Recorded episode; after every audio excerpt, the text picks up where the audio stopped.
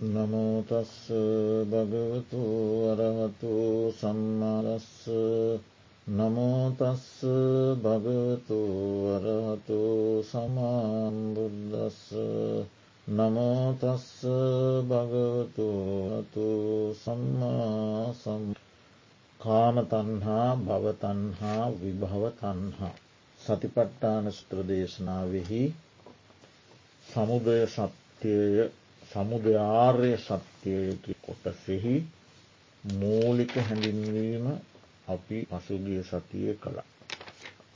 එහිදී අපි පෝනෝභවික නන්දිරාග සහගත තත්ත්‍ර තත්‍රාභිනන්දිනී කියන තෘෂ්නාවේ ලක්ෂණ පිළිබඳව ඉගෙන ගත්තා තෘෂ්නාවෙහි යම් යම් පැති අපි සාකච්ඡා කළා. අද දවසේත් අපිට දැන් ඉතිරි වෙලා තියෙන්නේ මේ කාරණය ගන්න තෘෂ්නාව හටගන්නේ කොහිද කොතැනකද කියන කාරණ.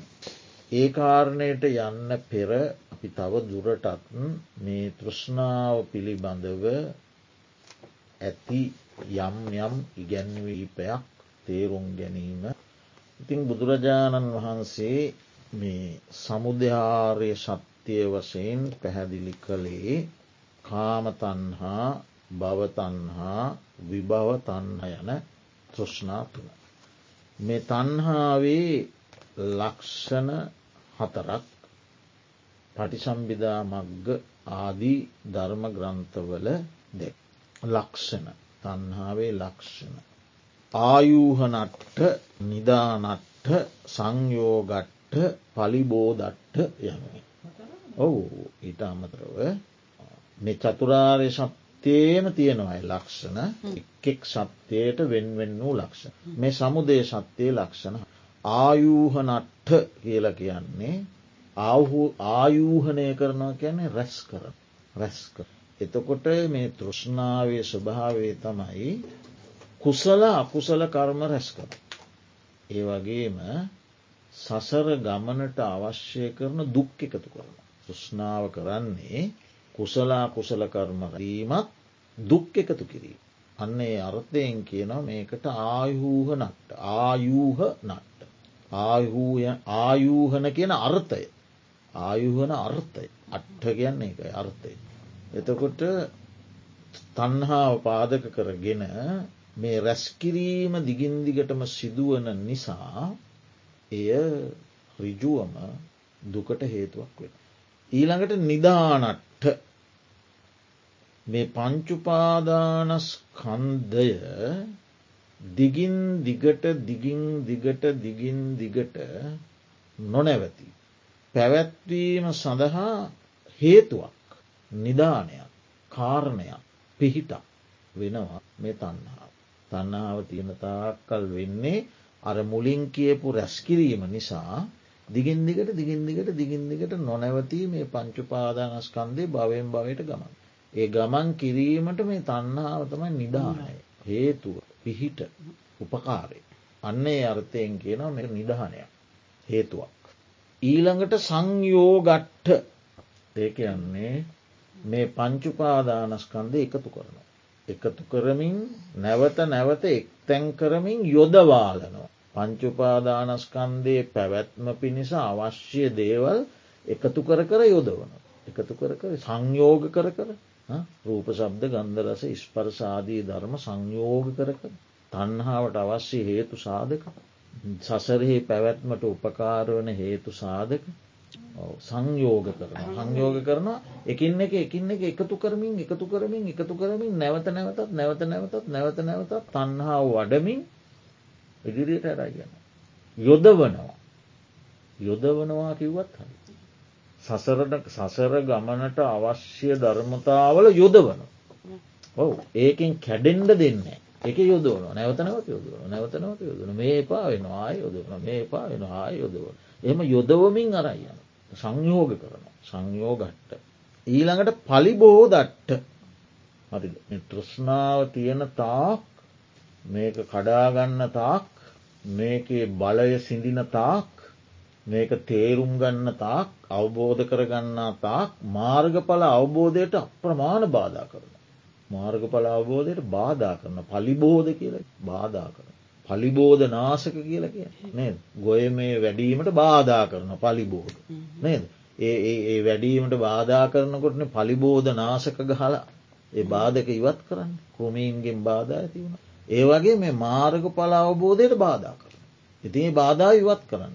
පලිබෝධනාසක ගහල නසනවා වගේ සීල සමාධි ප්‍රඥාමගින් මේ තන්හා බාධක ඉවත් කරන්න.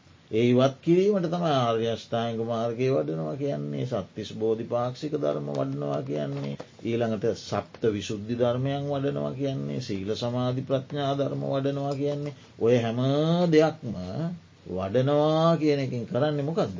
තන්හාාව නැමති පලිබෝධය ඉවත් කරන්න කටයුතු. පලිබෝධනාස. තොට මේක හරි පලිබෝධ. ඒ විදියට එක් රැස් කරනවා හේතුවක් වෙනවා සසර පැවැත්මට ඊළඟට මේක සංයෝග කරනවා යොදවනවා ඊළඟට මේ හත් පලිබෝධයක් මර්ග පලාවබෝධය. හන්න ඒ ටික දැනගණ්ඩෝන ඔන්න තෘෂ්ණාවේ තියෙන ලක්ෂණ හතරක්. ඊළඟට මේක සමුද්දයක්ම වෙන්න.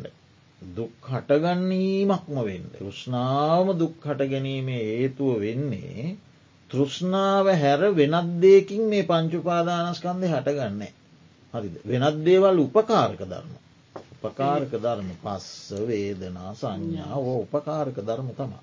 නමුත් මේක ප්‍රධාන භූමිකාව තියෙන්නේ තෘෂ්ණාව හැර වෙනත් දෙයකින් හටගන්න එනිසාම තෘෂ්ණාව සමුදය යම් කෙනෙක් තෘෂ්ණාව නැසුවන අය පංචුපාදානස්ක හඳ හටගන්න නෑ. නිවන කියන්නෙම තන්හා නිරෝධය. හරි? ඒක තම මේක ප්‍රධාන භූමිකා. එනිසා මේක සමුදයක්.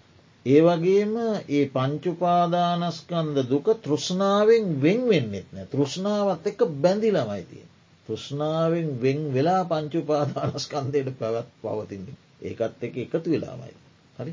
තෝට එහෙම එකතු වී වෙන් නොවී පවතින නිසා මේ තෘෂ්ණාවෙන් තොරෝ පංචුපාදානස්කන්දයට නොගන්නා නිසා මේක සමුදයම තම දුකාට ගැනීම මෙතනින්මයි සිද්ධ වෙන්න. එතවට ඒ තන්හාාව කාම තන්න ඔන්න එක රාදුරු දේශනාම තන්න. ඒ කියන්නේ වස්තුකාම ක්ලේශකාම කියන දෙකෙහි ඇතිවන ආශාව. වස්තුකාම කියන්නේ මනාපිකාරූපා මනාපිකා සද්දා මනාපිකා ගන්ධා මනාපිකා රසා මනාපිකා පොට්ටම්බා ඒ ඇන තමම් මනාපවන කැමතිවෙන රූප කැමතිවන ශබ්ද කැමතිවෙන ගන්ධ කැමතිවෙන රස කැමතිවෙන ඉස්පර්ස. ඒ වගේම ගේ දොර ඉඩ කඩම් යානවා දූදරුව රට ජනපත කොටු ගෙවල් වෝක්කොම. ඒ සේරම අපි යම් දේකට මනාපවෙන් කැමතිවන්නේ. ඒ මනාප වන කැමති වෙන සියලූම වස්තුවලට කියන වත්තුකාම. වත්තුකාම. හැබැයි ඒවා නෙමෙයි සැබෑම කාමතන්නව. ඒවා කාමතන්නාවට විෂය වන දේව. උපකාර වන දේවා. ඒක නිසා එක අප්‍රධානයි. එකම ඒකම නෙමේ ප්‍රධානවේ. ඒවා උපකාරක ධර්ම. ඒවට කියෙන කාම ගුණ කියලා. තෘෂ්ණාවට හේතුවන ධර්ම. එතකොට සැබෑම තෘෂ්ණාව කියලා කියන්නේ මේ කියන ලද වස්තූන් කෙරෙහි වස්තුකාමයන් කෙරෙහි ඇති චන්දය කැමැත් ඇති රාගය ඇති චන්දරාගය කාමය චන්දය චන්දරාගය කැමැත්තෙන් ඇලීයාම බැඳීයාම ලොල් බව. අර වස්තු තන්හාාව නැති කොළොත් මේ වස්තු කොච්චර තිබත් ප්‍රශ්නයන්න රහතන් වහන්සේට එහෙම කිසිදු ප්‍රශ්නයක් වස්තු කොච්චර තිබ. හරි? ලෝකයේ වස්තුකාම තියනවා. තන්හාාව නැති කළ රහතන් වහන්සේට එක ප්‍රශ්නය. නාමය කියන්නේ ඒ ඒ රූපය කෙරෙහි ඇතිවෙන බැඳීම. ඒක තමයි තන්හා. අරක අරක අප්‍රධානයි. ඒක හේතුවක් මෝන එකට ඕ මේක වස්තුකාම මේක ක්ලේශකාම බාහිර වස්තු වස්තුකා ඒ වස්තුකාමයන් කෙරේ ඇතිවෙන චන්දය රාගය චන්දරාගේ කැතකම පෙරේතකම ඕනෑකම ඇලීම බැඳීම සංකල්පය ඒක තමයි කාම තෘෂ්ණාව කාම තන්න එතවට කඩන්්ඩෝන වස්තු නෙමේ තන්හාව කඩ යම් අවස්ථාවක පූර්ව අවස්ථාවේදී මුල් අවස්ථාවේදී අර වස්තූන් කෙරෙහි ලොල් බව අඩුකර ගැනීම සඳහා ලද දෙයකින් සතුටුවීම. හොඳ හොඳ දේවල් පාර්ථනා වැනි ගුණාංග උපකාර වෙන. ත්‍රශ්නාව එකවර කඩන්න බැරි නිසා. ඒකට පූර්ව භාග ප්‍රතිපදාවක් වස. සීලය සමාධිය ප්‍රඥා ඒව උපකාර වන පූර්වභාග ප්‍රතිපදා. උපකාරක ධර්ම තෘෂ්ණාව කඩන්න එක පාට මගේ තන්නාව කැඩේවාකිවට කැඩෙන්නේ ඉන්ද්‍රිය සංවර කල්්‍යයාන මිත්‍රාශ ආහාරයේ පමණ දෙන්න. ඒ වගේ නොඒක් උපකාරක ධර්ම මත පිහිටලා තමයි තන්නාව කඩන්න. ඕ පන්සිල් පද පහෙත්තිය මන්සිල් පද පෝයට සිල් සමාත් ඔක්කොම භාවනාකිල්. ඔ උපකාරක ධර්ම. එතකොට අන්නේ ප්‍රධානම වන්නේ වස්තුකාම. ඇස කණනාසේ දිවකයි මනස ආදී ඉන්ද්‍රිය තුළින් ලබාගන්නා වූ අරමුණු කෙරෙහි. උපදින ඇලීම බැඳීම කැමැත්ත ආදීදේ. ඒව මනසේ හටගන්න. රහතන් වහන්සේ අරමුණු දකිනෝ. අරමුණු කෙරේ ඇල්මක් බැලීම. ඒක රාතන් වහ ෘෂ්නාව ප්‍රහාණය කර. සංඥාවත් තියනවා විස්පර්ශයක් තියනවා. ඒවා මේ තන්හාාව මිශ්‍රයව නෙමේ. ඒවා තන්හා නිශ්‍රිත නෑ තන්හාව නැති කරලන. රාගෙන් තොරයි. රහතන් වහන්සේටත් රස දැනෙනවා රහතන් වහන්සේට තිස්පර්ස දැනෙනවා. රහතන් වහන්සේට රූප පේනවා. රහතන් වහන්සේගේ නාසයටත් අපිට වගේම ගද සුන්ද දැනෙනවා. රහතන් වහන්සේටත් අපිට වගේම කංගොලට සබ්ද ඇහෙනවා. දැනෙනවා ඒ ගඳ සුවන්දේ තෘෂ්ණා නිශ්චත බවක්. ඒකට ඇල්මක් නෑ. ඒකට සංකල්පයක් නෑ ඒකට බැඳීමක් නෑ. ඒක ඒක කෙරෙහි සුකවේදනා උපදිලා ඒක මගේ කරගණ්ඩෝනය ඒ ඒ විදිේ සංකල්ප නෑ. ඕ වේදනවා දැනගන්න මේක සුක වේදන මේක දුක්ක වේදනා. ඒවට බැඳිල යන්නේ. ඒවා තන්හාාවෙන් අල්ලගෙන බැඳිලා ඒවට නිශ්‍රිත වෙන්නේ. ඒවට බැසගන්නේ නෑ ඒ මනස. ඒවගේ සම්පූර්ණ විනිරුමොක්තයි නිදහස්. එතකොට ඔය දැන් අපි කතා කරන්නේ චන්දය ඕගය යෝගය ආදින්න ඉදිරියේ දීව සාකච්ඡා. එතොට ඒ ඔක්කෝම ක්ලේශකා. ක්ලේෂයන් ක්ලේෂය තමයි වස්තුකාමෝල්ට වඩා ප්‍රධාන. ක්ලේෂයන් හටගන්නට වස්තුකාම උපකාර. යම් කෙනෙක් ක්ලේෂකර්ම දුරු කලාන එයට වස්තුකාම නෑ වස්තු තිබට ප්‍රශ්න ක්ලේෂ එහෙම නැත්තන් ඉතින් බුදුහාන්දුරු කියන්න පැ ඔක්කෝම අත්තල්ල සිරුවට දුක්දී පල එතකොට හරි. කාමයන් පිළිගන්න. හරිද. ඒවාගේ දෘෂ්ටියවලට බුදු දහම බැඳෙන් නැත්තේ කාමේ සැබෑ ස්වභාවේ තියෙන වස්තු තුළ නෙවි ක්ලේසේ තියෙන. ඒක තම මධ්‍යම ප්‍රතිපදාවක් අනුද. ඒක තමයි කාම සුකල්ලිකානුයෝගයක් අතහැරලා අත්ත කිලමතානුයෝගයක් අතහැරලා මධ්‍යම ප්‍රතිපාව. ඒ අන්ත දෙකට නොවැටි. මැද මැද ඒකයි. එතකොට ඉදිරියේදී සාකච්ඡාවන පිළිබඳව ඒ විදිහට මේ තෘෂ්නා ප්‍රධාන අප්‍රධාන දෙකක් තිය. වස්තු කාම ක්ලේසකා. ඒ තුළ හටගන්නා වූ චන්දය රාගේ කැමැත්ත ඕනෑකම ඕගය යෝගයේ ආදී දේවල් තම සැබෑ තෘෂ්ණාව. එතකොට දැ මේක ප්‍රධානම දේහෙමනම් අරමුණු රස විඳීමේ කැමැත්ත. හරිද. ප්‍රිය මනාප අරමුණුවල රසවිඳීමේ කැමැත්ත. ඒ රසවිඳීමේ කැමැත්ත විසින් පුද්ගලයා පවට යොමු කරන. එය අරමුණු රස විඳින්න කැමති. ඔව් එතකොට අරමුණු රස විඳින්ට කැමැත්ත නිසා ඒ රස විඳීම ඔහුට ධර්මිකෝ කරන්න බැන්න ඕ අධර්මිකෝ එක කරන. එයාගේ දැන් කැමැත්ත තියෙන අරමුණු රස විඳීමන ඒක දැහැමියෝ විඳින්ට පුළුවන්න එක දැහැමි විදි. එයාගේ යාට අදහැමි විඳින්ට ඔන්න අදහැමි විද එද පවට යොමු කරන. පවට යොමු කරන. ඒ යොමු කිරීම නිසා ඒ තෘෂ්ණාව නිසාම එකොළොස්සාකාර කාමලෝකයේ උපතකට. එතකොට ඒ අරමුණු රසයට ඇති කැමැත්ත නිසා ඒ කැමැත්ත උපාදාන කරනවා ඇස උපාද එක ඇමැත්තට බැඳෙනවා. කාම උපාදාන. ඒ නිසායා යනවා උපත පිණිස කාමලෝකයට. හරි කාමය උපාදාන කිරීම නිසා කාමලෝකය උපතකටය. කාමලෝක එක් කොළහයි. එතවට කුසල පක්ෂේ නං එයා උපතකට යනවා මනුෂ්‍යලෝකයෝ දිවිලෝකයි. කුසල පක්ෂයෙන් දැන් තාම තෘෂ්ණාව තියෙනවා කුසල් රැස් කරනවා එතවට කුසල් රැස් කිරීම වෙනවා තෘෂ්ණාව තියෙනවා ඉතින් එයා කාමලෝකය උපතකට යනවා එය යහපත් උපත. එතකොට එයා දැන් මේ අරමුණු රස වින්දනය කිරීම සඳහා මෙයා යොදාගන්න අකුසලේ පව හරි අකුසලේ සහ පව. එතකොට එයා උපතකට යනවා කාමලෝකයේ නිරය තිරිසම් ප්‍රේතාසුර සතරාපාය. ඔය විදිහට කාම භවය සකස් වෙන. තෘෂ්ණාව ප්‍රහාණය කරන තෙක්ම කාමතන්නාව කරන්නේ කුසලයෙන් කාම භවයේ උපතත් දිවියලෝක හයත් මංශලෝකයක් අකුසලයෙන් නිරේ තිරිසම් ප්‍රේතාසු සතරාපාය උපතක් පිණිස. එහෙම ජාතියෙන් ජාතියට ජාතියෙන් ජාතියට ඉතින් එක නිශ්චිතව කියන්න බෑ. අහවල් අහවල් ජාතිදින ඊළඟ ජාතියනෙම වේ එහෙම කියන්න ඒ ඒ ලබන භවයේ කරන්න වූ කුසලා කුසලයන් අනුවත් පෙරබවවල කරන ලද කුසලා කුසලයන්ගේත් උපකාරයක් ඒවා කෝක නිශ්චිතව ඊළඟ භවය සකස් කර දේද කියන්නත් බෑ එහෙම භවයෙන් භවයට උපතක් කර ගෙනිය.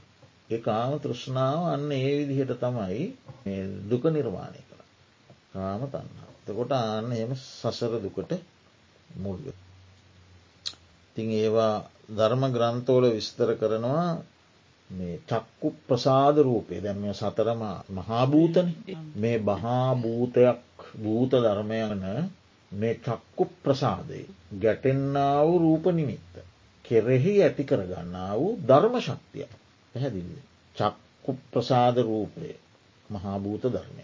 ඒ චක්කු ප්‍රසාද රූපය නම් වූ ආරම්මණය කෙරෙහි සිත්තෙහි ඇති කරගන්නා වූ ධර්ම ශක්තිය ශක්තියක් එක්තර ශක්ති විශේෂයක්.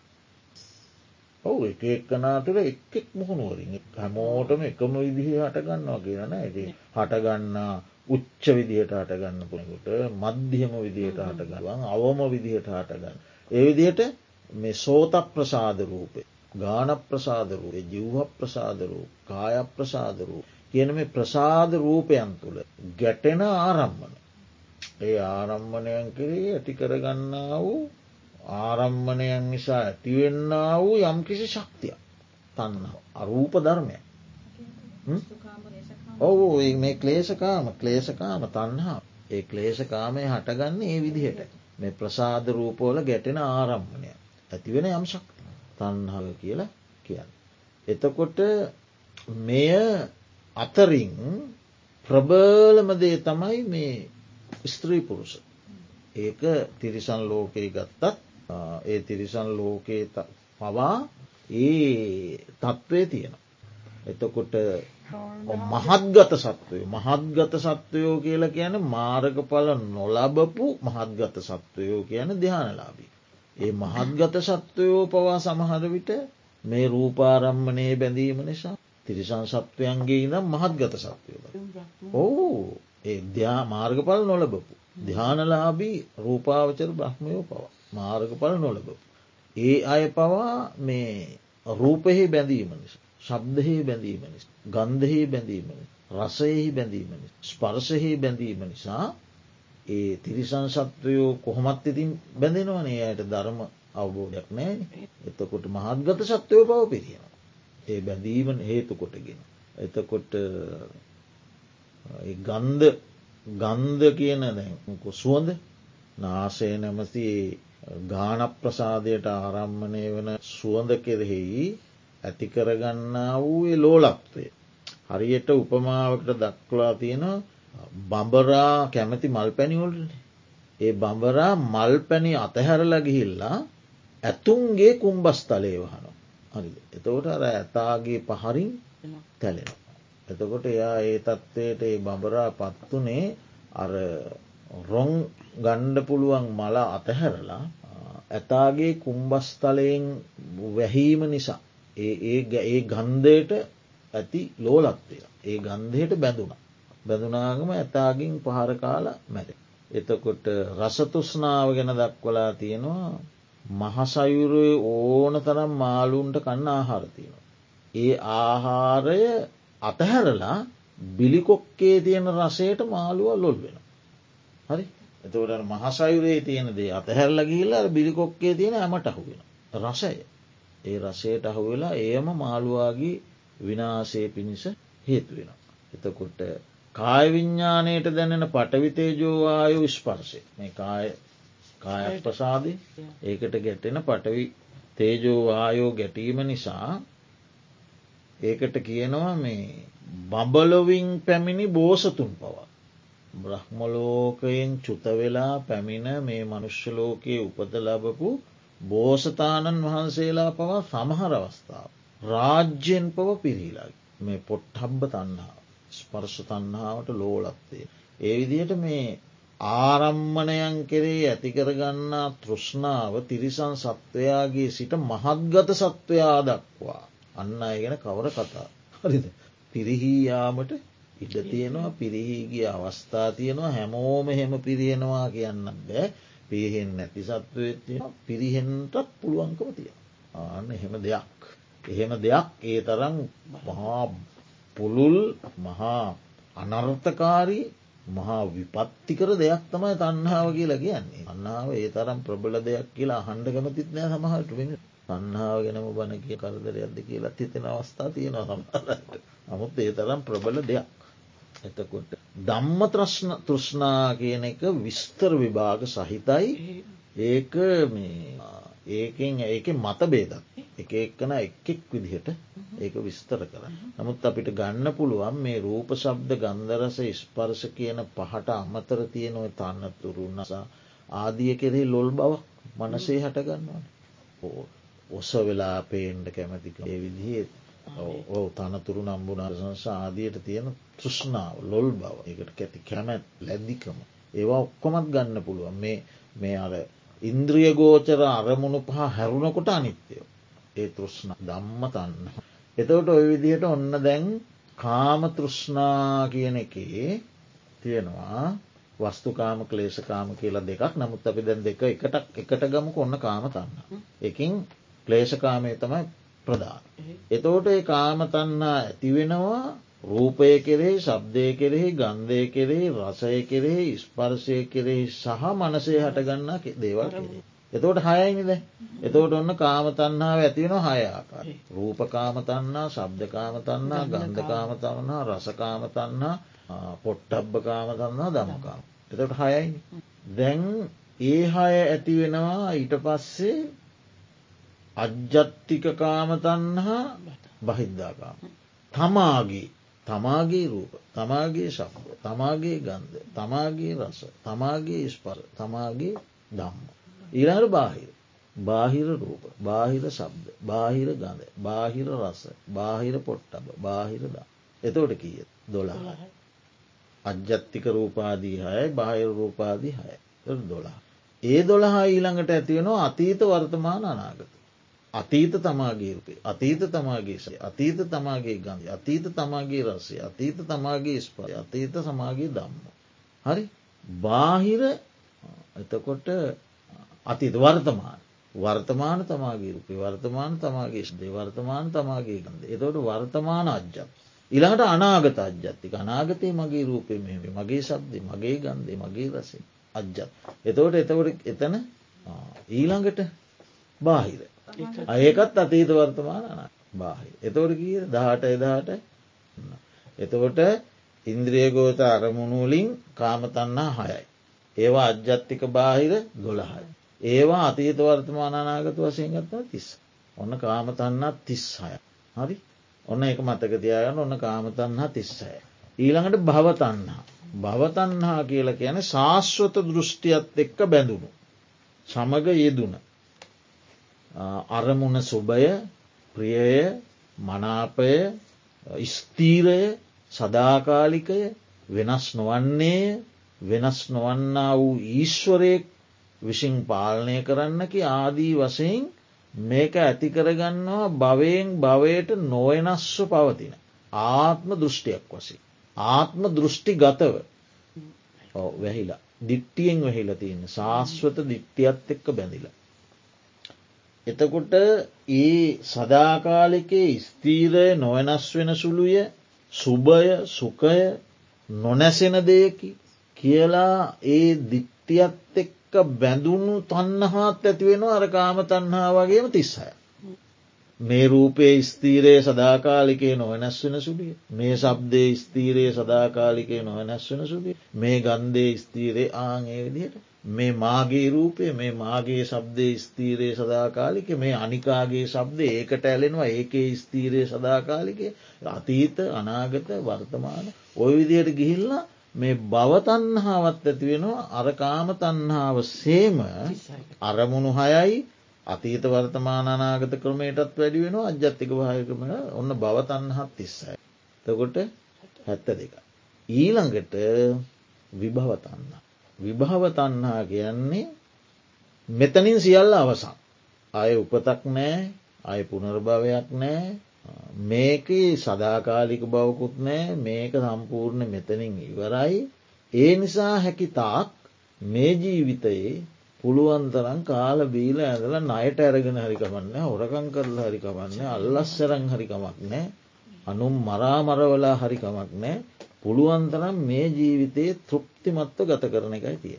කියන මෙතනින් සියල්ල අවසං කියන උච්චේ දෙයක් එක්ක. හරි භවතන්නාව ශාස්වතයත් එක්ක බැඳෙනව භවතන්නා උච්චේද කියන නැසීයා මෙතනින් ඉවරයිසියල්. හෙට මැරුණත් කමන්න අද ජොලි කරලා කියන ආනය ක්‍රමේ. ඒ විබෝහයත් එක්කත් ඔන්න තන්නහා බෙදෙනවා අර කියපු විදිහට තිස්සායකට. එතෝට එකසියට. ඔන්න තන්නාව ඔය එකසි හැමෝගේම සිත්තුල එකසිය අටම ඇතිවෙනවා කියලා නෙමේ මේ කියන්නේ. ඔය එකසිය අට ආකාරයෙන් ඕන ආකාරයකට ඇතිවී හැකි දෙයක්. එක් එක්ක නාළඟ එක් එක් ක්‍රමයට කොහෙන් හරි අහු වෙලා අහු වෙලා නැති කෙනෙක් නෑ ලෝකේ ඕනෑම කෙනෙක් කොතනකින් වූ ඔය එකසියටෙන් එකකට හව් වෙලා දායකට පාලෝකට විසිපාකට වෙන තිස්සායකට වෙන්නපු කියෙක් කොහොමාරි අහු වෙලායි. ආන්න එහෙම දෙයක්. ඉතින් ඕක හැර වෙනමොකක්ද සමුදය කියන්න ම තමයි සමුදය. අන්න එහෙම බැඳිල තියෙනවා.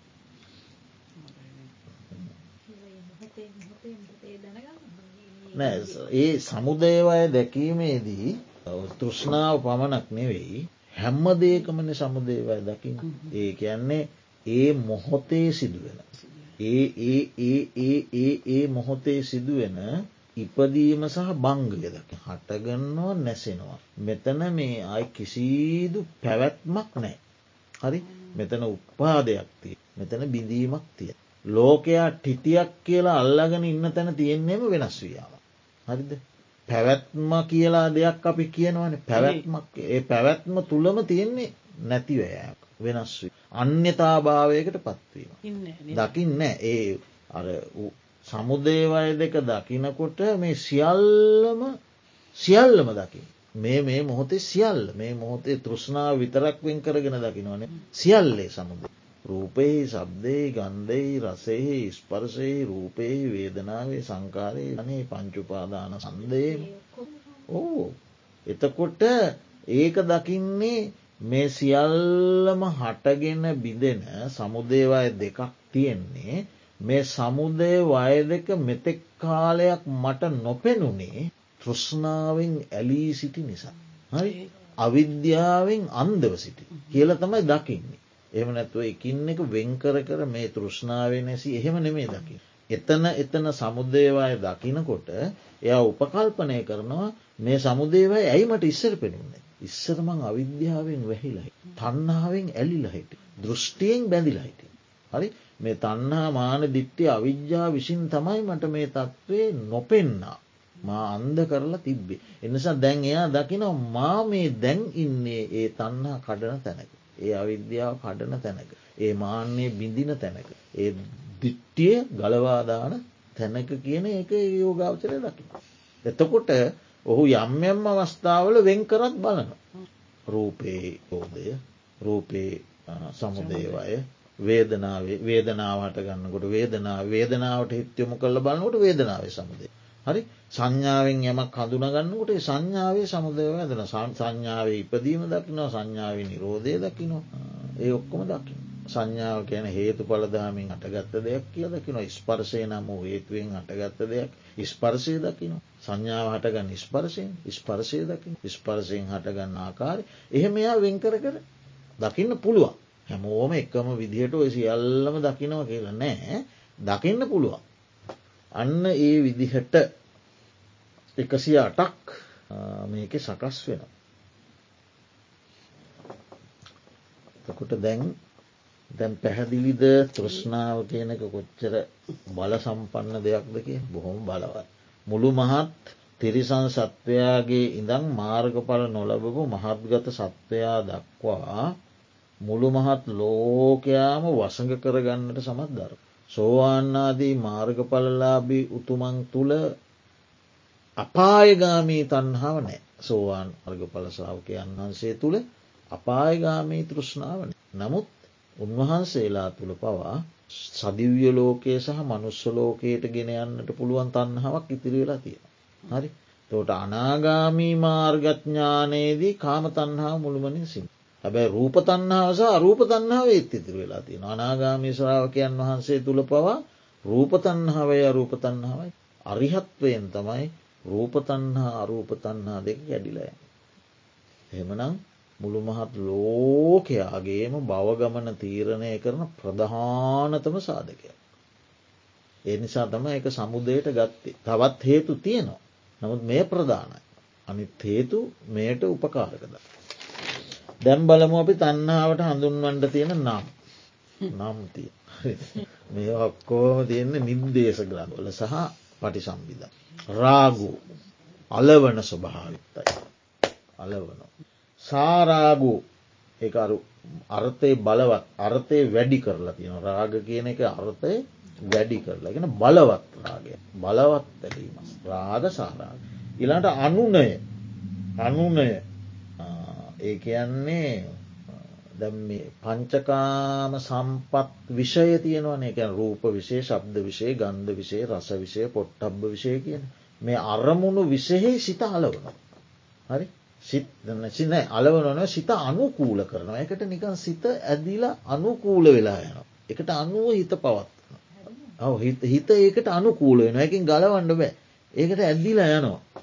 ආරම්මණයට ප්‍රියමනාප ආරම්මණයට හිත අනුකූල කරනවා. හරින තන්නාවේ ස්වභාවේ ද අනුනය කියල කිය. ඊළඟට අනුරෝධෝ අනුරෝධ කියල කියන්නේ ඒ ආරම්මණයට හිත එකඟ වෙන. එකඟ වෙනවා කියන්නේ දැන් අපි භාවන ආරම්මණයේදී එකඟ වෙනවා කියලා අපි කියන්නේ බුදුගුණ වඩනවන බුදුගුණට හිත එකඟ වෙනවා කියන ඒකාග්‍රතාව ධර්මානුස්සතිය වඩනවා ධර්මයට අනුව හිත එකඟ වෙනවා ඒකාග්‍ර ආනාපාන සතියට අනුව හිත ඒකාග්‍ර ඒකක්ගතා කියලා කියන එකඟ වනවා සිත එහි බැසගන්න. ඒ වගේ මේ වගේ තියෙන හැම එකඟ කරවන බව. ඒ රූප ශබ්ද ගන්දරස ස්පර්ශ විසෙහි එකඟ කරනවා. හරි. ඒකට කියනවා අනුරෝධ. ල නන්දි ඒකට සතුට වෙන. අරමුණෙහි සතුටු. ඉළඟට නන්දි රාග වරක් සතුට වනදේ නැවත නැවත සතුටුවේ. ආය ආය ආය සතුටුවෙන්ට කැමති.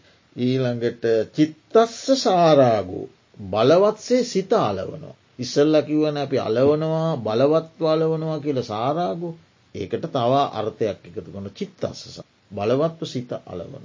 ඊළඟට ඉච්චා කැමැත්ත. මුච්චා මුලා කරවන අරමුණේ සිත මුලා කරන මෙ ත්‍රස් තෘෂ්නාව ස්වභාවය ඒක තියෙන ආදීනව පෙන්න්නන්නේ. ඒක වහලදාන. වහලදාලා තෘෂ්නාවතින් පොළඹෝන මුලාවයන් මුලා කරන. මුච්චා. අජ්ජෝසන අජ්ජෝස අජ්ජෝසනා අජ්ජෝසන අජ්ජෝසන කාමෝ අජ්ජෝසන බව අජ්ජෝසන හොම අජ්ජෝසන ධර්ම ගැන ගිලගන්නවා. අරමුණෙහි ගිලගන්න අජ්ජෝසන. ඊළඟට ගේදෝ අරමුණට ගිජ්ජු වෙලා එකට බලවත් වැලෙන. ගිජ්ජුකම කොච්චරනම් මේ සසර ගමනේදී අපි අරමුණුවල ගිජුවෙන් ඇද. ගිජ්ජු වෙන. ගේද පලිගේද බලවත්ව ගිජු වෙන. මොනවගේද රූපයෙහි සබ්දයේ හඳයේ රසයේ ස්පර්ශය සහ දම්ම මනසේ ඇතිවෙන ඒ වගේ ගිජ්ජු වෙනවා. ඊළඟට සංගෝ අරමුණේ එල්ලෙනවා. එල්ලා ඉන්න අරමුණේ සංග. ඊළඟට මායා අරමුණෙහි වංචා කරන රවටනවා. නැවත නැවත රවටන. අරමුණේ රවටන ස්වභාවයක් තුනාව තියෙනවා. ජනිකා අරමුණ ජනනය කරවනවා නැවත නැවත අරමුණ උපද්දුව ෘෂ්නාව කැමති අරමුණ උපද්දවන. උපද්වන්න නැතු ඉන්න දෙන්නේ. ජනනය කර. සංජනිකා දුකහා බඳින දුකත් එක්ක එකතු කරන. එයාට තේරෙන්න ඇක දුකක් කිය. හරි එකතු වෙලා හිටියට දුකක් කියලා හිතන්ඩ දෙන්නේ නෑ. ඒක ලොකු ආශ්වාදනීය ස්වභාවයක් ඇති කරලා ඒකට සංයෝග කරනවා බඳිනවා. සිබ්බනි ඇස කණනාසේ දිවකාය මනස කියන ඉන්ද්‍රියත් බාහිර අරමුණුත් කියනව එකට අල්ල බඳිනවා. සිබ්බනය කියන මැස්මක් කිය. මහනවා එකට ඉටසේ රෙදිකෑඩි දෙකත් දෙ පැත්තක තියෙන දෙයක් එකට අල්ලලා මහන්න ඒවගේ මහ. තවාර්ථයක් කියන්නපුළ. මේ බවය ඊළඟ භවය එකට මහන සම්බන්ධ කරන. සිබ්බනි මේක මැස්මක් වගේ. ඊට පස්සේ හරි අමාරු ඉතින් ඉදිකට්ටක් කැන අපවර නූල් එකින් එක ගලවන්න ඕන ඇත කපන්න ඕන වෙන් කරන්න ඕනේ එකට අල්ලලා බැඳල තිය. සිබ්බනී. ඊළඟට ජාලනී දැලක් දැලක්. එතකොට තන්නහාාව විසින් දඟලන්න දඟලන්න දඟලන්න දඟලන්න මේ දැලෙහි මාළුවෙක් ගැන හිතන්නකු දැලකට බැඳිල පැටලෙන් නැවත නැවතත් දැලේ බැඳින් ඒ වගේ දැලක්. සරිතා සීග්‍ර දිය පහරක්. වීගෙන් ගලන සීග්‍ර දිය පහරක්. තවාර්ථයක් තියෙන තෙත් කරනවා කියලා සරිතා කියන කෙතාවාර්ථය. දිය පහරක් නැත්තම් තෙත් කරන ස්වභාවයක්. තෘෂ්ණාවෙන් තෙත් වෙනවා කියලා අපික තන්නහාවෙන් තෙත්තුන සිතක් තියෙන සරිතා. විසත්තිකා අලවනවා පටලවනවා. අරමුණේ අලවලා අරමුණේ පටලවලා අතහරිනවා. තැසේ අමාරුයි ගැලේ විශත්තික. ඊළඟට සුත්තං සුත්තං කියලා කියන නූලක්. නූලකින් වගේ බඳිනවා. විසතා රූප සබ්ද ගන්ධර සිස්පරස අරමුණු ආදීහි පැතිර පවතිනවා. පැතිරිලා පවතින. ආයූහනී අපි ඉස්සල්ලත් කතා කරේ ආයූනත්තක රැස් කරන රැස් කර. දුතියා දුතියා කියන්නේ දෙවැන්නෙක් තන්නහාවන ඇති දෙවන්නා. බුදුහාන්දුරු දේශනා කරන මිගජාල සූත්‍රය. ඒට දුරබැහැර බොහෝ ජනයාගේ රහසිගත ක්‍රියාවන්ට යෝග්‍ය වූ ආරන්නේ වනසේනාසනක වාසය කළක් ඔහු මේ පංචකාම ගුණයම් පතනවනං ඒ වගේ ගුණකි. එයා තනියෙන් හිටියත් එයා එන්න දෙවැන්නෙක් මොකක්ද දෙවැන්න? තන්න. තන්නහාව නැමති දෙවන්නත් එක්ක තමයි තනීයෙන් හිටියත් ඉන්න. අන්න සහායකෙක් ඒක මරතයක්. සහායකෙක් දෙවැන්නෙක් සහායකයෙක් පනිදි පාර්ථනා ස්වභාවයක් තියෙන පාර්ථනා කරන. අනාගතය න අනාගතයේ අතීතයේ අපේක්ෂා අතහැරියත් සමහට අනාගතය ගෙන පාර්ථන එහෙම ස්වභාවයකුත් තින පනිදි. බවනෙත්ති බව රැහැනක්. ගොපල්ලා රැහැනකින් බැඳගෙන ඒ රැහැනකින් බැඳගත්ත ගොපල්ලා ගාලට රයනෝගේ.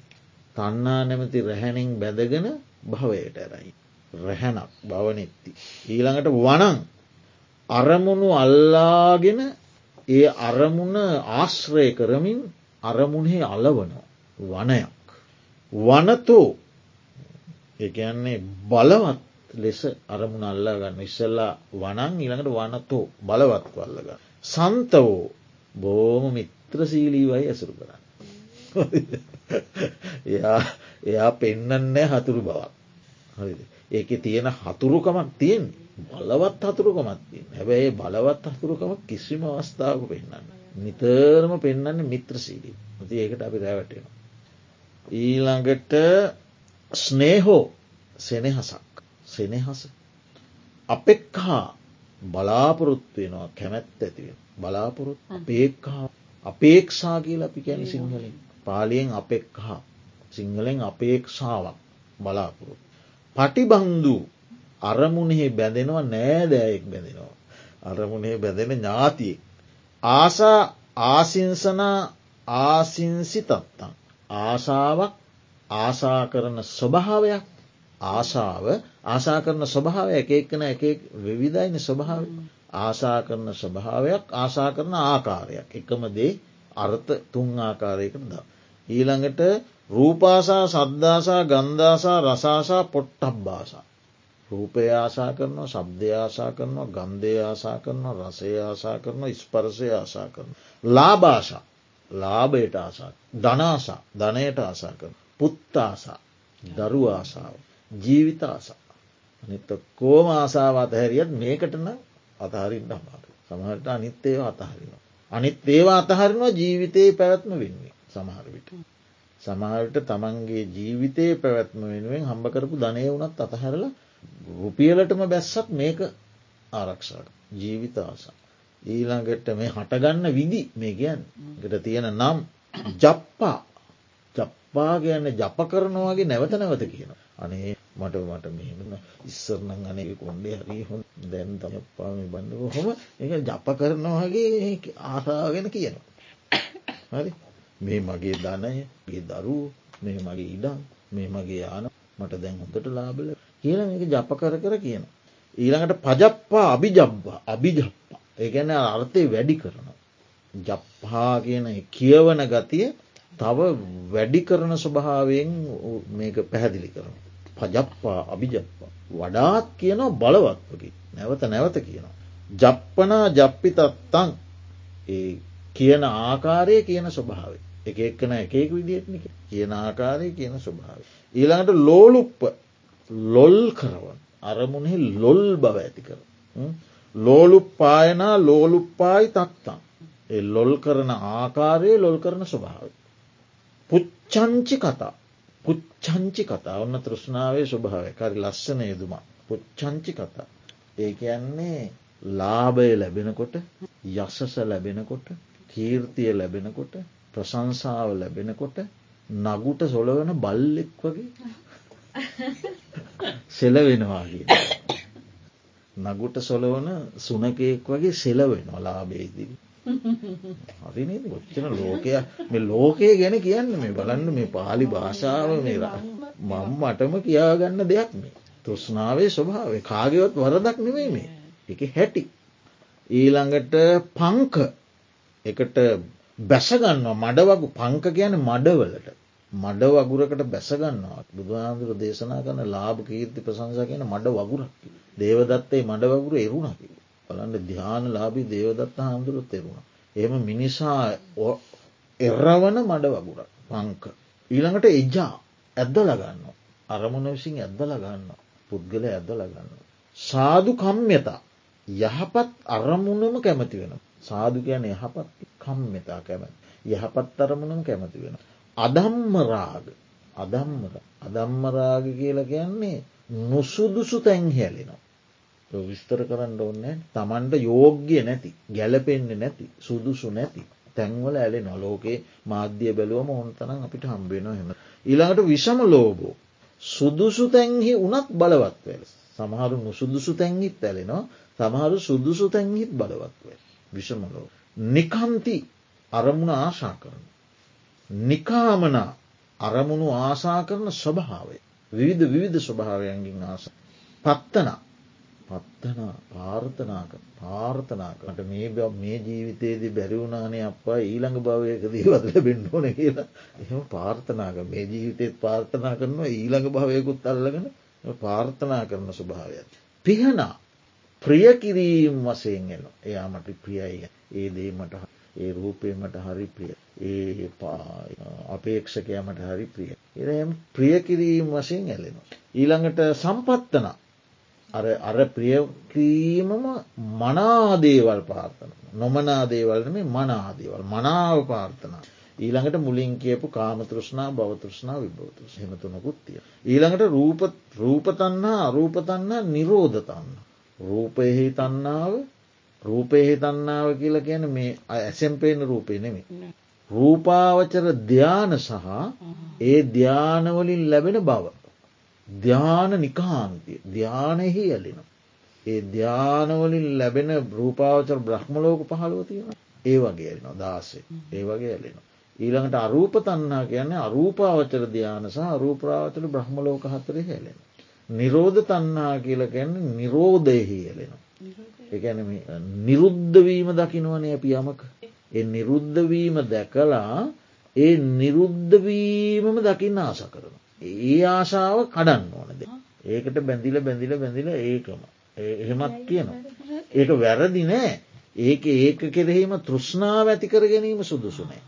රූපාචර බ්‍රහ්ම ලෝක නරක දෙයක් නෙවේ.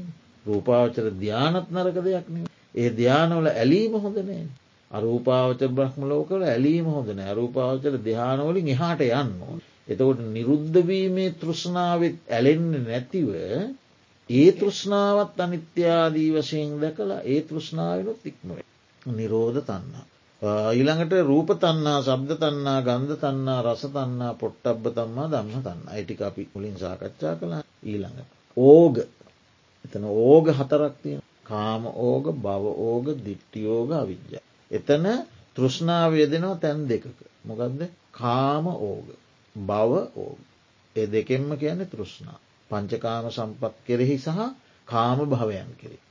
බව ඕග කියන්නේ රූපාවචර අරූප අවචර භවයන් කෙරෙහි නැත්තම් පංචකාම සම්පත් පිළිබඳ ඇල්ම කාමෝග. කාමාවචර කාම බව රූප බව අරූප බව කියන බවත්‍රයෙහි මැල්ම බවෝග. හරි එතට කාම ඕග බව ඕග දෙකෙන්ම ගැන තන්හා. ඊලාට කාම යෝග බව යෝග. ඕග කියන සැඩ පහර. සංසාර සැඩ පහර. කාම බව දිට්ටි අවින්. යෝග කියන සසරෙහි යොදවනවා. ඕග කියන්නේ සැඩ පහර යෝග කියන යොදවන. අරහතරම තමා. එතනත් කාම යෝග බව යෝග කියන්නේ තෘෂ්ණා. චෛතසික වශයෙන් ගත්තුතු ලෝබේ. ලෝභ චෛතසික. එතකොට අන්න එහෙම ඕගයක් යෝගයක්. ඊළඟට ගන්ත කියල කියන ගෙතීමක්. ගන්ත කියලා තියෙනවා ගන්ත හතරක්මටටියට අභිජ්ජා කාය ගන්ත. ව්‍යාපාද කාය ගන්ත. ඔහොම ගන්ත හතරක්තිය. හරිද මේ කය තවත් කයක් සමඟ ගොතනවා. එකන මේ භවයේ කය ඊළඟ භවයේ කයත් එක්ක ගොතනවා. ගැට ගහනෝ ගොතනවා. එතවට මේ තෘෂ්ණාවත් අභිජ්ජා කාය ගන්තය අභිජ්ජා ගැන ලෝබය. ලෝභය නැමැති කාය ගන්තය ගැට ගසනද ගන්තයක්. ඊළඟට උපාදානය කාම උපාදාන දිට්ටි උපාදාන සීලබ්බත උපාදාන අත්තවාදූතට ඔන්න කාම තන්හා උපාදාන. ඊළඟට ආවරණයක් නිවන ආවරණය කර. හරි ඊළඟට නීවරණය නිවන වසනෝ ආවරණයක් නීවර. චදන චදන කියල කියන්නේ කුසල් මග නිර්වාණ මග වහනෝ. බන්ධන සසර බැඳ තබන. තන්නාවෙන් කරන්නේ සසර බැඳ තබන. උපක්කිලේස සිත කිලිටි කරන. ළඟ ඉඳගෙන කිලිටි කර. ළඟ ඉඳගෙන කිලිටි කර. අනුසය යටපත්ව තිබෙන දෙයක්. ඕනෑම මොහොතක මතුවෙන. පරිඋට්ට ආරම්මණයක් දැක්ක ගමන් නැගිටින. අර යටපත් වෙලා තියෙන අනුසේ වශයෙන් තියෙන එක පරිඋට්ට නැගිටින. ලතා වැලක් වගේ එතෙනවා. තන්නහා විසින් කරන්නේ අරමුණුවල ඔත්තනවා. ගෙත ලතා. වේවිච්ච වැඩිදියුණු වෙලා මසුරු බවට පත්. තන්නහා මච්චරිය. තන්නාව ක්‍රමක්‍රමයෙන් වැඩ වෙලා වේවිච්ච මසුරු සුභා. දුක්ක මූල දුකට මුලා. දුක්ක නිදාන දුක ඇති කරන හේතුව. දුක්ක පබව පබව දුක්ක පබව දුකේ හට ගැනීම. දුක්ක මූලයක් දුක්ක නිධානයක් දුක්ක පබවය. මාරා මාර පාස මාර පාස මාරයා විසින් හෙලන ලද මල පුඩුවක්. ඒ මල පුඩුව බෙල්ලට වැටුනා ඉතින් මාරයට කැමති දෙයක් කරන්න. මල පුඩුව. මාර බලිස මාරයා විසින් අමුණා දමනලද බිලියක් මාළුවෙක් ගැනතන් මාළුව බිලිය කනවා වගේ දැන් අපට මේ මාරයා දාලා තියෙන තන්නාව නැමති බිලියක් ඒ කකා ඉන්නවාගේ. ටසේ අමුණලා මාරය ගන්න අපි ඇමුණුනාව මාරය ගන්න මාර බලියක් බලිසක්. මාර විෂයක් මාරයාට අයිති වූ දෙයක්. විශේෂේෂත්‍රයක් මාරයාට විශේෂේෂත්‍රයක් බුද්ධාදී උතුමන්ට විසේ නොවන සේස්. බුදු පසේ බුදු මහරහතන් වහන්සේලාට විෂය නොවන සේත්. මාරයාට විෂය වූ සේස්. නදී ගඟක් නදියක් ගඟක්. ජාල දැලක් ගඟක් දැලක් තන්හා ජාල. තන්නහා ගද්දුල බලු දම් වෙලා. ගද්දුල කියන දම් වෙලා. හරිද. තොට සුනකයා දම්මලකින් බැදලා අපිට අවශ්‍ය තැනකට අපි සුනකයා ගෙනියනවා. එයාට කැරකෙන්ට පුළුවන් ඒ දල්මලේ අපි අල්ලගෙනන්න දිගේ සීමාව පමණ. එයාට ඊට වඩා කැරකෙන්ට බෑ. හරි අන්න ඒ වගේ දම් වෙලා. එතෝට දැන් ඒ දම්වැලට බැඳුනම ඒ දම්වැලේ සීමාව කැරෙක් කැරකින්න. බලු දැම්මල ගද්දුල තන්හා ගද්දුල. තන්හා සමුද්ද මුහුදක්. තන්නහම් අය බරපතල මුහුදක්. ඊළඟට වැටුනොත් මහසාගරයට වැටුණ වගේ තම. අභිජ්ජා. නැවත නැවතත් නැවත නැවතත් ලෝභය හටගන්වන අරමුණෙහි බඳින බලවත් ලෝභය. අකුසල මූලක්. සියලූම අකුසලයන්ට මුල්වන ලෝබදේශ මොහ අකුසල මූල තුළින් ලෝබෝ අකුසල. ඔයදයට වචන සියයකින් විතර වචන දැන් අපි සීයක් විතරකි ඔය සියලූම වචනවලින් දක්වලා තියෙනෙ තන්හාාව විවිධ විවිධ විවිධ විවිධ ක්‍රමෝලින් අර්ථ දැක්වී. ඉතිං බුදු පසේ බුදු මහරහතන් වහන්සේලා හැර මේ බණ කියන මමත් මේ බනාහ ඔබත් මේ සාකච්ඡා කරන ඔය කොතනින් හැරි ඔය තන්හාාවකට ගැටගහිලා අහුවෙලා බැඳිලා ඒක කඩාගන්න බැරුව ඒ දම්බල සීමාවට යට වෙලා ඉන්න. ඉතිං අපි සිල් සමාදන්වෙන් දන් දෙන්නේ බුද්ධ පූජාතියන්නේ ධර්ම සාකච්ඡා කර භාවනා කරන්න සමතය වඩන්නේ විදසුම් වඩන්නේ පිරිත්තහන්නේ විදේශනා කරන්න පින්කම් කරන්න අන්සල් හදන් වේරවියාර හදන්නේ තන්හාාව පෝෂණය කරන්නට නොවියයුතු. ඒක කඩන්නම තමයි ඒ හෑම ක්‍රියාවක් බුදු දහම ගෙන හැර දක්වලා තිය. ඒක කඩන්න මිස ඒක වඩන්න නෙවේ. නමුත් ඒක කියන තරම් පහසු කාර්යයක් නොවන බව අපි අපේ ධර්මත්දීපයෙන්ම තේරුම් ගනිමු. අපි ලෝකයා මේවට කොච්චර විවිධ ඔන්න පැත්තකින් හ. මොන පැත්තකින් හරිය. ඒ මාර විශයහෙම තමයි ලෝකයද. මාරයාගේ විශේෂේස්ත්‍රයට හසුවෙලා ඒ විශේ ශේස්ත්‍රයෙන් ඉක්මෙන්න්නට බැරිව ඒ තොන්ඩුව බෙල්ලට දාගෙන ඒ බිලිය ගිලලා තමයි කටයුතු කර ඒක සරල ඒ දුරුකිරීම අපහසු නිසා තමයි ලෝකයේ බුදු පසේබුදු මහරලා හිග කල්පගාන මේ මහා භද්‍ර කල්පයටම බුදුහාන්දුරු තව එක නමක් එක බුදුරජාණන් වල වෙන්න තියෙන. එතකොට සමහර කල්ප තියෙනවා බුදුරජාණන් වහන්සේලා නෑ. එතකොට රහතන් වහන්සේලා ක්‍රමක්‍රමයෙන් ක්‍රමක් අඩුවෙලා ඒ මාර විෂයේ තියෙන බලවත්. ඒ නිසා අපි අදට ඒ විශ්වාසය අන්නාව කඩරි වුණත් තවම අපි ඒ භාග්‍යවත් සම්මාන් බුදුරජාණන් වහන්සේ දේශනා කළ සමුදය සත්‍යය ඒ චතුරාරය සත්‍යය ඒ කාන්තයෙන්ම ශක්තියක් කියන විශ්වාී ඇතිකර ගනිමු ඊළඟ දවසේ අපි මේ තන්නහාාව ඇතිවෙන තැන්. මෙතෙක් වේලා මේ ඊයද එදා දවසෙත් අද දවසෙත් සාකච්ඡා කළ මනාව කුමන කුමන තැන්වල ඇතිවෙනවාද කියන එක සාකච්ඡා කරම එතකොට සමුදේ සත්‍යය බඳ අපේ දැනුම ඊළඟ දේශනාවට අපි ගෙනෙ. මෙතෙක් වෙලා ධර්ම සාකච්ඡාමින් උපදවාගත්ත කුසල් අපටත් දෙවියන් සහිත ලෝකවාසී සියලු සත්වයන්ටත් මිය පරලෝගෙන නිවන් සුව පිණිස වේ. ආකා සට්ටහා චුපමට්ටහා දේවාගා මද්දිකා පුුණ්මදිත්වා චිරන්රක්කන්තු ශාසනදිකා පුഞ්ඥන්තන් අනුදිත්වා චිරන්රක්කන්තු දෙන්දිකා පුഞ්ඥන්තන් අනුත්වා චිරන්රක්